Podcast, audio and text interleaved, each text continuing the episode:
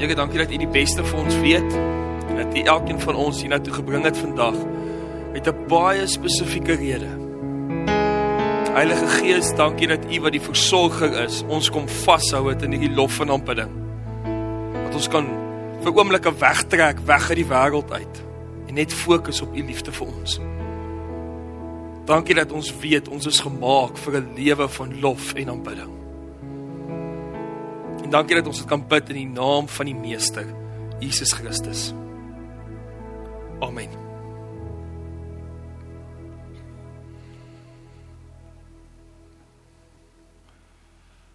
So ek wil gou vir die kinders vra wat almal hier is, kinders en enige jong mense wat nie sal weet nie. Wat is dit?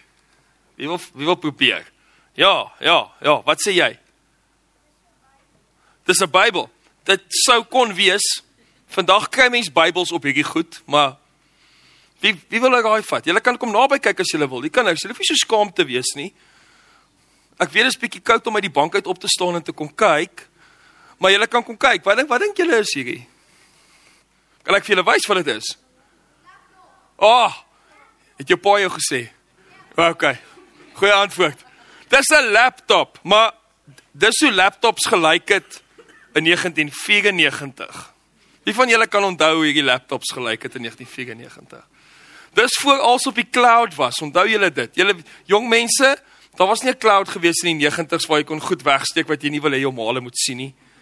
Ehm, um, hy het gewerk met 'n stiffie wat jy hier insit. Nou hierdie spesifieke laptop was my pa se en hy het sy doktorsgraad op hierdie laptop gedoen. Hulle het nie kleurskerms gehad nie, hulle het mono screen gehad. Dit was die begin van wat kleurskerms sou wees.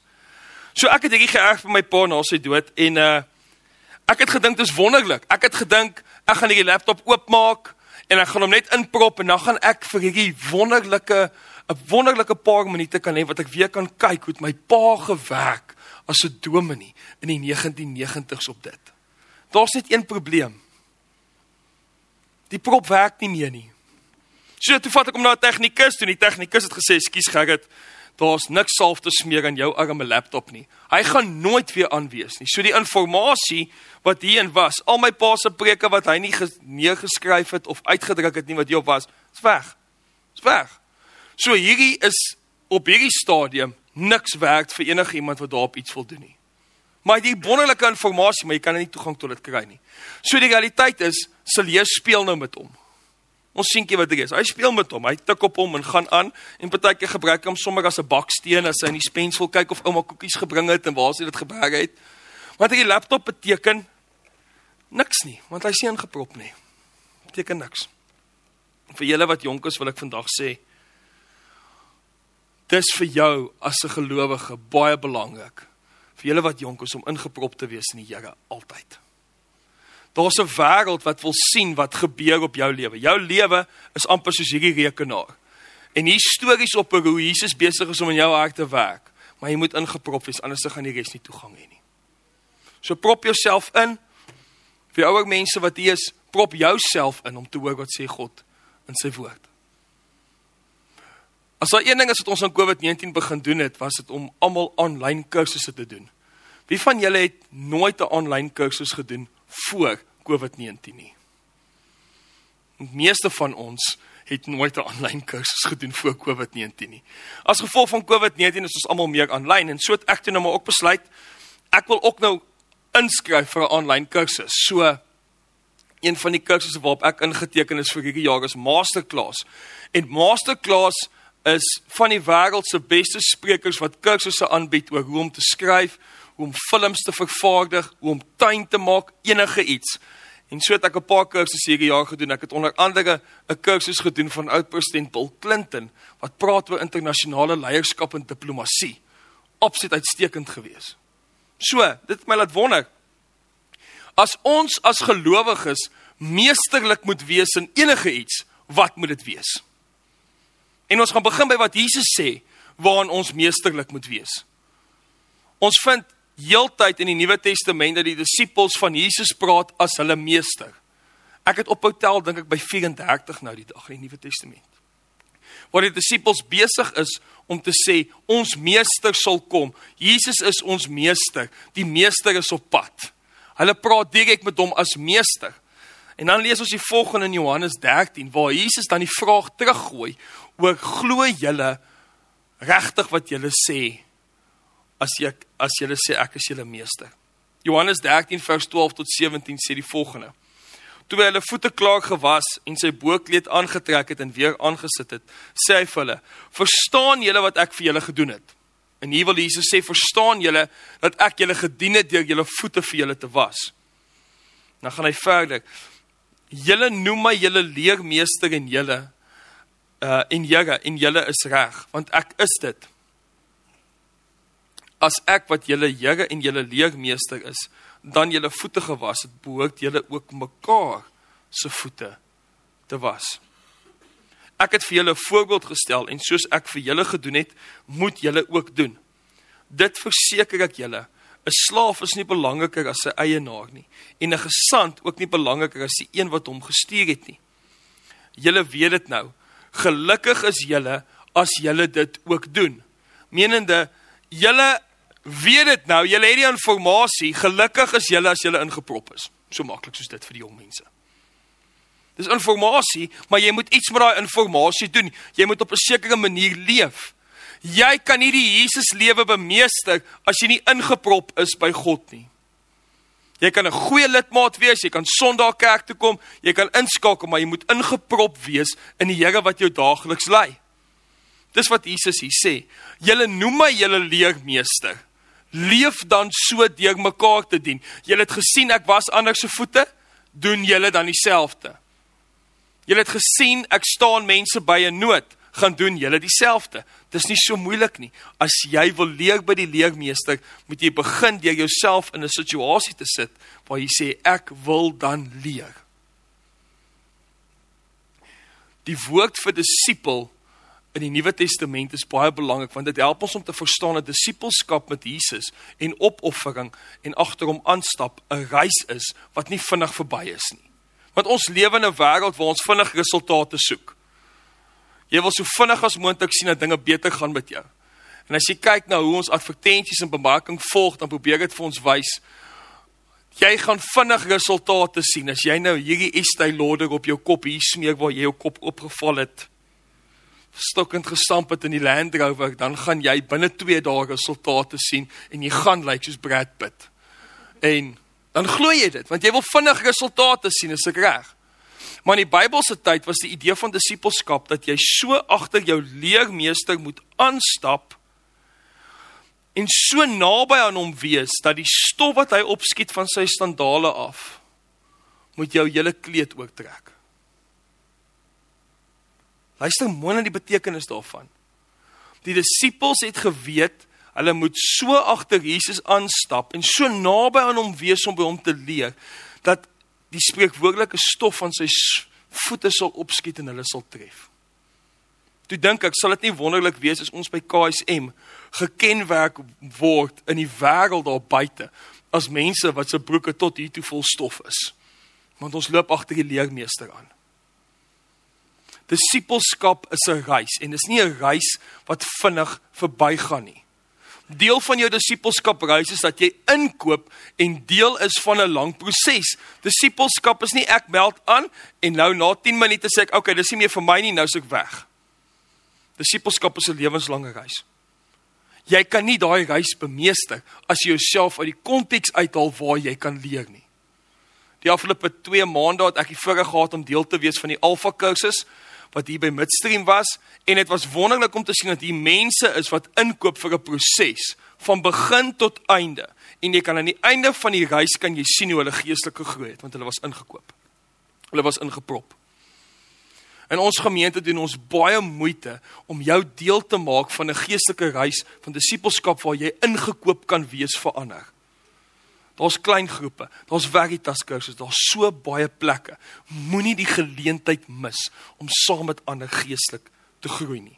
Want dis in daai oomblikke van dienaarskap wat jy kan sê, nou verstaan ek iets wat ek geleer het by die Here 5 jaar terug en nou beteken dit iets vir iemand anderste.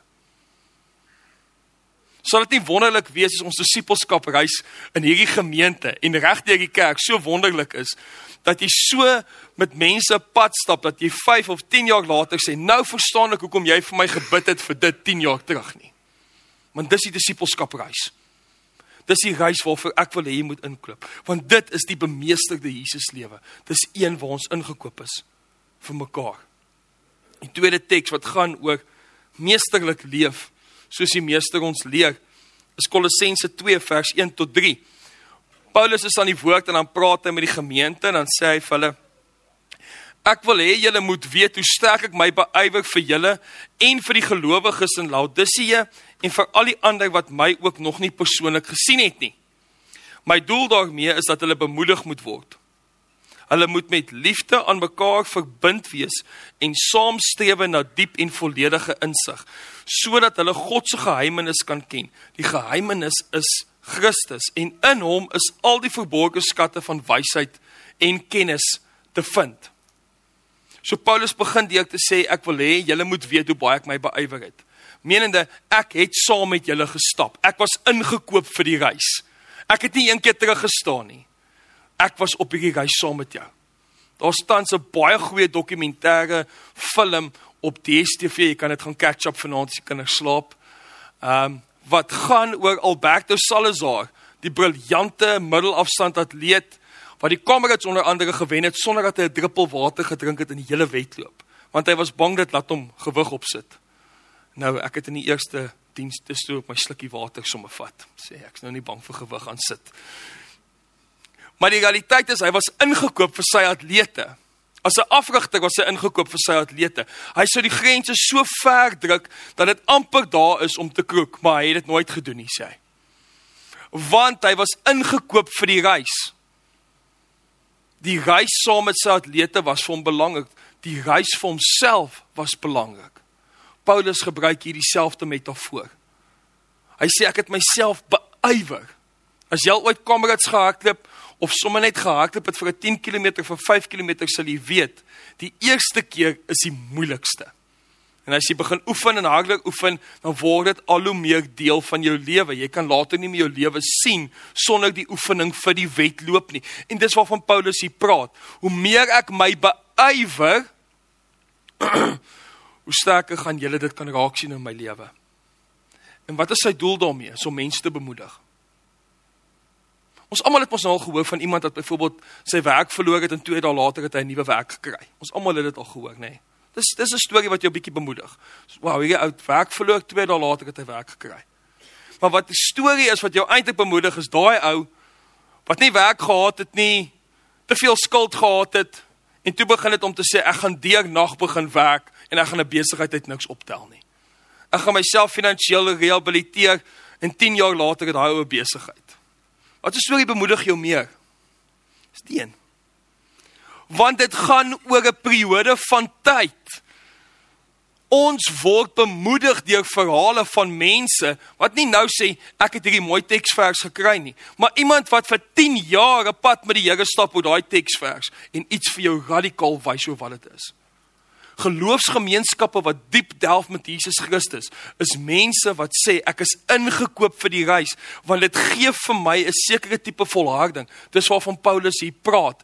En dit kan ander mense bemoedig. Nou ons almal ken mense ook wat natuurlik praat oor ander mense se getuienis. Het jy gehoor wat het die Here vir Koos gedoen? Het jy gehoor wat die Here vir Piet gedoen? Het jy gehoor wat die Here vir die Pumas rugby unie gedoen het? Is altyd iemand anderste Jy hoor hoe hy praat oor hoe die Here iets vir iemand anders te beteken, maar jy hoor nooit dat hy sê maar jy gehoor wat het die Here vir my gedoen nie. Paulus wil hê die gemeente in Kolos Kolosse vir wie hy skryf, moet beweeg van 'n plek waar hulle net sien hoe die Here iets vir iemand anders gedoen en sê maar ek kan getuig die Here het dit vir my gedoen. Want ek het myself beywer op hierdie pad. Dit is 'n bemoedigende die bemoedigende reis. Die laaste teksvers wat ek met jou wil deel oor meesterlik lewe gaan daaroor dat ons deel van ons reis moet deel met die mense wat vir ons iets beteken langs die pad. Galasiërs 6 vers 1 tot 6 sê broers as iemand in die een of ander sonde val moet julle wat julle deur die gees laat lei so iemand in 'n gees van sagmoedigheid reghelp. En pas op, jy kan self ook in versoeking kom. Dra mekaar se laste en gee op dië manier uitvoering aan die wet van Christus. As iemand hom verbeel hy is iets en hy is niks, bedrieg hy homself. Laat elkeen sy eie doen en late ondersoek. As dit goed is, kan hy daarop trots wees sonder om dit met die van ander te vergelyk. Elkeen sal rekenskap moet gee oor wat hy gedoen het. Iemand wat onderrig ontvang in die woord van God moet sy leermeester laat deel. Ekskuus tog in al die goeie dinge wat hy het. Wie ek wil vandag vir julle vra, wie van julle wil graag soos die koningin van Engeland wees? Niemand nie. Enigiemand? Het sulke mooi pershare. Wie wil julle graag? Okay, maar hier's 'n paar. Ehm um, wie van wie van julle graag wat hier sit wil Brad Pitt wees? Niemand nie. Niemand nie. Okay. Right. Wie van julle wou al die kar gehad wat jou buurman het? Kom, wees nou eerlik. Of buurvrou.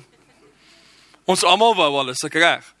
Navorsing het gewys ons vergelyk nie met mense aan die ander kant nie want dit is te vreemd.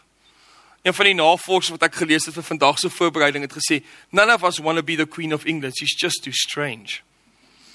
Sy leef in 'n wêreld wat ek en jy nie verstaan nie, maar my buurman leef waarskynlik in dieselfde wêreld as ek. So ons vergelyk onsself met ons buurman.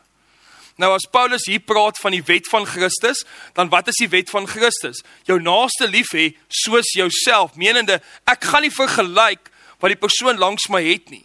Maar dan gaan Paulus een stapie verder in hierdie teks en hy sê ek wil nie net hê jy moenie vergelyk met wat die ander persoon het nie, jy moet jou naaste die beste gun nie. Vat dit een stapie verder. Kyk na jou eie geloofsreise, moet dit nie vergelyk met iemand anderste nie. Jy wat hier sit, het 'n unieke spesiale reis met God. Ek het 'n unieke reis. Elkeen van die lof en aanbiddingspan, ons leraars, elkeen van ons het 'n unieke reis met Jesus Christus. Moenie vergelyk nie. Want hy is saam met jou op die pad. Want dan is jy die tipe mens wat in jou lewe kan kom op 'n punt waar jy dit wat jy geleer het kan deel met jou leermeester. Ons wonder baie keer hoekom ons as gelowiges sukkel om ons stories oor Jesus Christus in ons lewens met ander te deel. Dis omdat ons nie altyd die moeite wil doen om hom te vind in ons eie lewens nie. Ons wil altyd die ander spesiale getuienis hoor. Die leermeester sê vandag vir jou, die bemeesterde Jesus lewe is die een waar jy ingekoop is om diep te delf in jouself en nie te kyk na iemand anderste nie. Ek wil graag afsluit deur met julle 'n storie te deel wat hierdie die beste illustreer. Vir die van julle wat jonk is wat nie weet wie was Willie Willie Wally nie. Wie van julle onthou Willie Wally? Wat het Sarel se monster gesê? Stories is my lewe. Want 'n storie illustreer 'n punt altyd die beste. Nou vertel hulle die verhaal van 'n seun wat groot geword het in die Vrystaat. Hy het baie arm groot geword. Hy het nie aan die kant die treinspoor groot geword soos ek nie. Hy het op die treinspoor groot geword. Sy pa het vir die spoor weer gewerk. So sy pa was baie gepos van dorp na dorp, maar die kind was nogal musikaal. En oral waar hy gekom het, het hy maar so 'n bietjie musiek gedoen by die skool en dan het hy man pandjies winkels waar daar ou klaviere is gespeel. En toe die kind 11 jaar oud is, toe sê die posweef vir sy pa, jy gaan die posmeester word op hierdie betrokke dorp. Jy gaan nie nou weer skuif tot jy aftree nie. Dis jou plek. En die seun het saam met sy pa gegaan, saam met 'n hele gesin en daar het hy in die een pandjies winkel op die dorp altyd klavier gespeel. En in die aand as hy gaan slaap en oefen hy op sy kussing. En dan koop iemand die klavier in die pandjieswinkel en dan sal 'n nuwe klavier inkom en speel hy weer op hom. En so het hy 'n bietjie op die orgel gaan speel as daar niemand is nie, note is mos af. So het hy homself geleer klavier speel so stuk stuk. En toe die kind 19 jaar oud is, speel hy eendag weer in die pandjieswinkel en die eienaar van 'n operahuis in die Kaap stap verby waar hy op pad was op vakansie om melkskommels te koop vir sy kinders wat altyd melkskommels soek. En hy hoor hierdie kind pragtig op die klavier speel en hy stap in en hy dink hy gaan iemand kry wat absoluut briljant is. Dit moet seker iemand wees wat gevorderde leeftyd het, iemand wees wat al ouer is en hy kom by 'n 19-jarige jong man al wat so pragtig klavier speel. En hy stel homself te voor en hy sê ek besit 'n operahuis en oor 2 weke het ons 'n baie groot opera blyspel in die Kaap.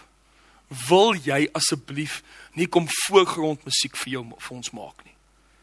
En die jong man was so half verward en hoe hoekom vra jy nou al vir my en die oop eienaar van die operasie sê toe vir moenie bekommerd wees oor die reisgeld nie ons sal jou trakteer jy sal lekker daar in die restaurant kan eet die aand jy sal ook slaap ons sal betaal vir jou vir 'n vliegtuigkaartjie uh, van Bloemfontein af as jy dit veilig maak deur al die slaggate tot op Bloemfontein net 'n grappie dan sal ons seker maak jy kom veilig in die Kaap verder en dan kan jy kom speel vir ons Nou ek het groot geword in Johannesburg. My ouers het ons gereeld gesleep na die Linder Auditorium toe waar ons moet gaan luister na musiek, blyspelle of wat ook al.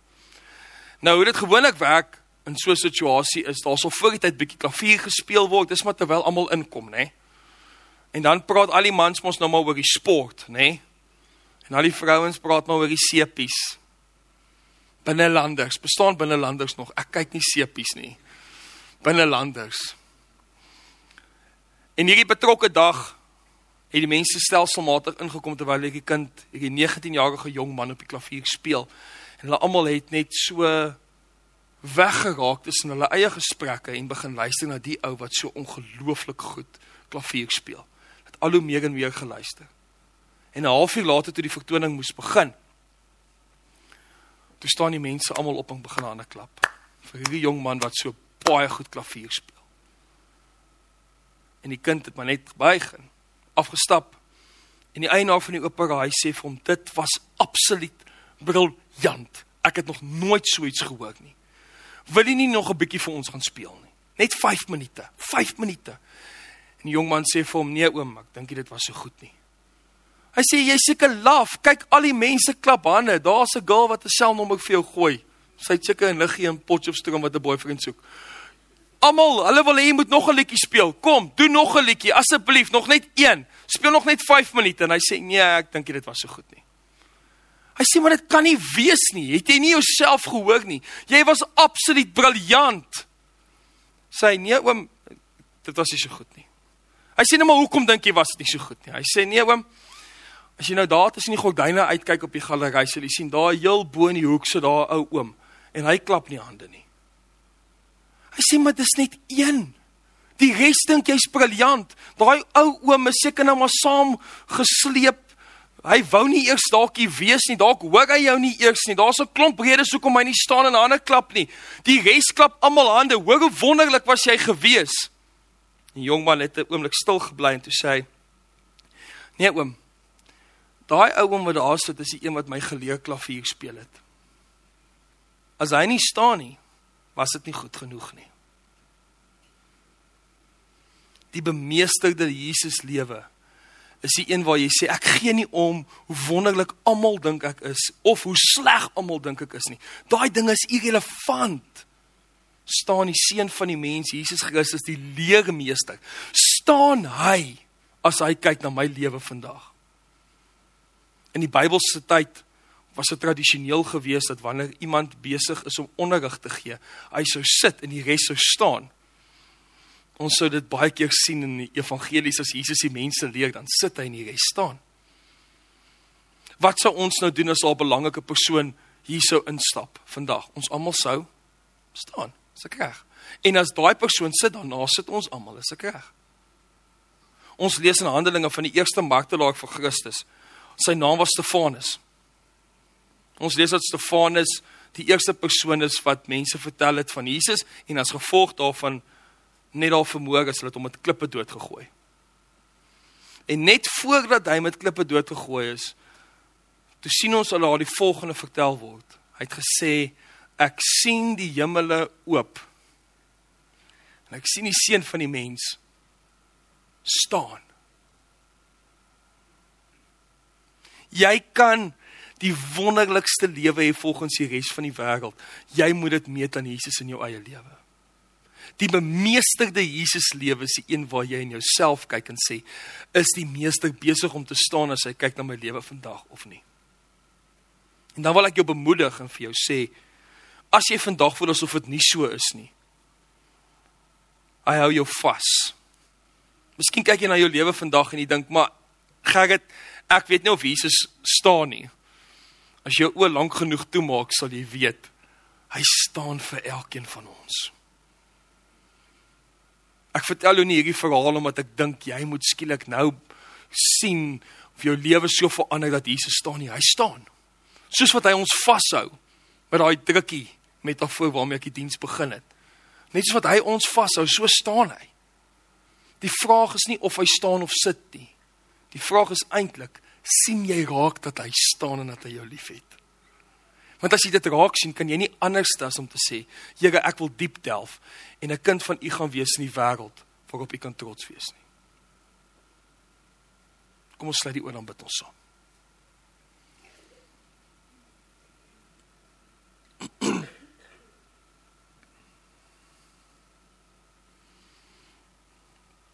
Here, wanneer ons stil raak voor U, dan besef ons eintlik sal ons nooit die Jesus lewe heeltemal kan bemeester nie.